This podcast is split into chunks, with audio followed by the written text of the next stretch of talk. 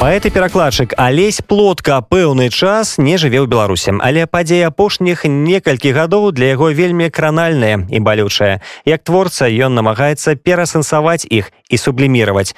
З аднаго боку плотка назірае за беларусь і беларусамі звонку з другога пропускае праз сябе бо адчувае сябе часткай гэтай зямлі і народу. Думкі высновы паэта алеся плоткі у падкасці неверагоднае прывітанне. Мяне завуць алесь плотка на хвалях радыё унет трохі нечаканна для самого сябе попросілі расказаць пра сябе і хіба як я змяніўся за апошнія пару гадоў. Я гамельчанин нарадзіўся гомелі і пражыў там пакуль большую частку свайго жыцця але дакладна я застануся гамельчанінам ці гамельчуком на ўсё сваё жыццё.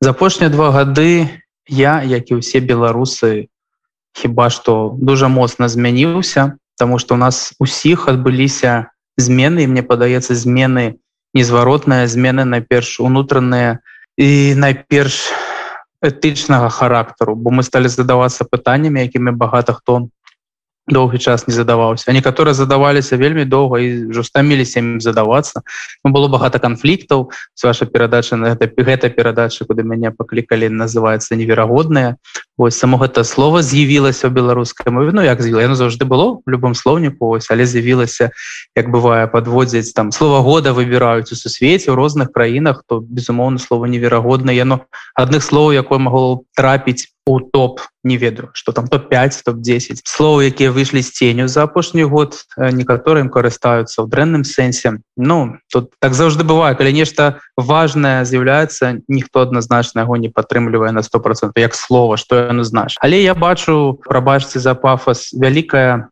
абуджэнне у людзях я займаюся ну, у публічнай сферы творчасцю да я паэт перакладчык сабе на хлеб я зарабляю таксама камунікацыямі рэкламнымі кансультацыямі ну піарам грубо кажучы але я бачу як моцна змяніліся все правда все беларусы.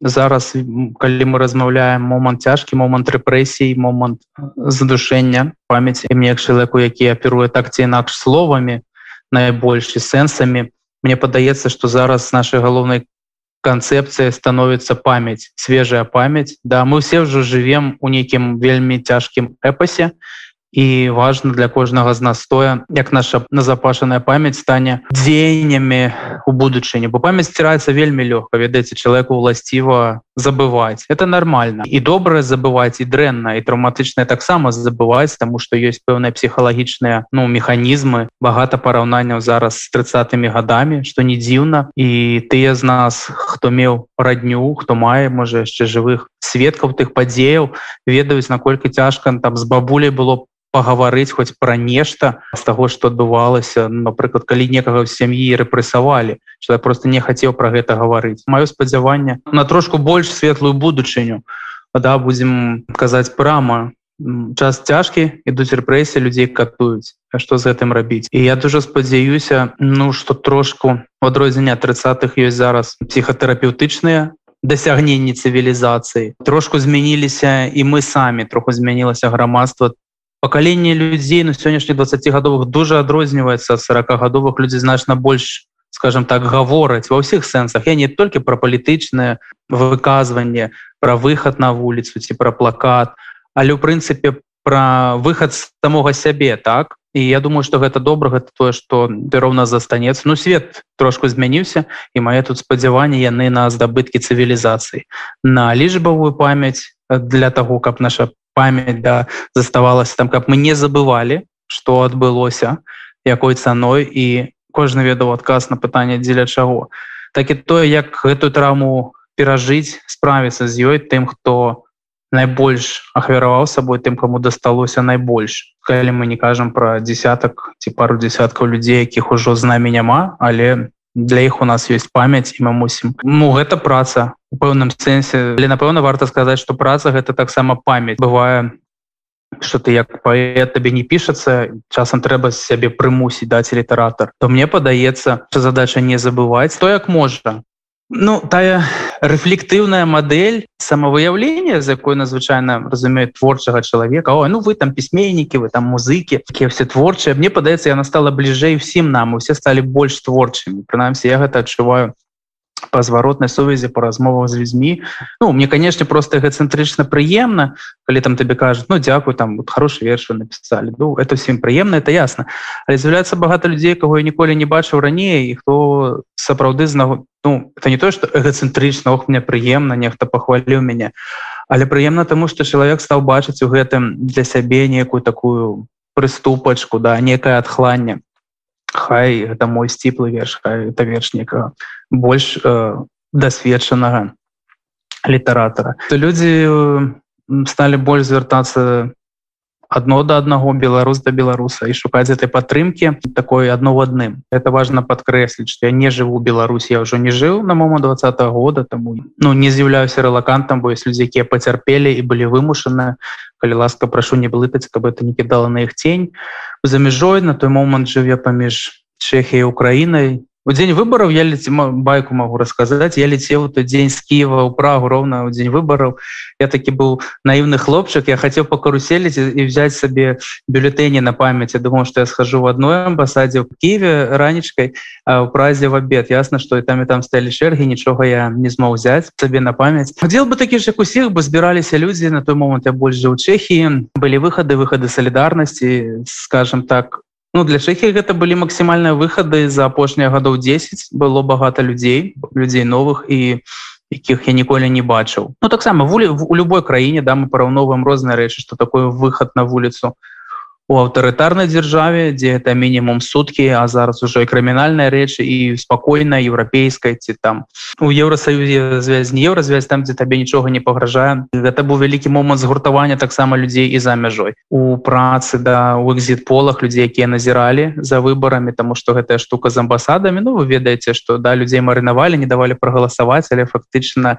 гэтым была створаная сітуацыя калі па 6-7 гадзінаў людзі стаюць у чэргах все знаёмяцца паміж сабой такой вялікай канцэлі кансалідацыі ну, нашай дыяспоры там колькі год я жыву бачу по-рознаму людзі стасуюцца. Ну гэта быў добры добрая нагода все паміж сабой прызнаёміліся яшчэ лепш гэта надоўга застанецца. А что да рэфлексіі нешта напісалася. Ну колькі змог столькі напісаў. Цяжка рэфлексаваць калі ты па-першае звонку ты не ёсць частка ты задаешься пытанням что ты можешь сказаць что ты сказаць не можаш. Троху вершаў ёсць яны застаюцца і застануцца Я не быў беларусі падчас трагічных падзей два -го года але вось зараз знаходжуся в Киеве знаходжуся пастаянна. Ведаеце апошнім часам была медыйна расходзіліся хвалі магчымай эскалацыі вакол Украіны вакол Киева.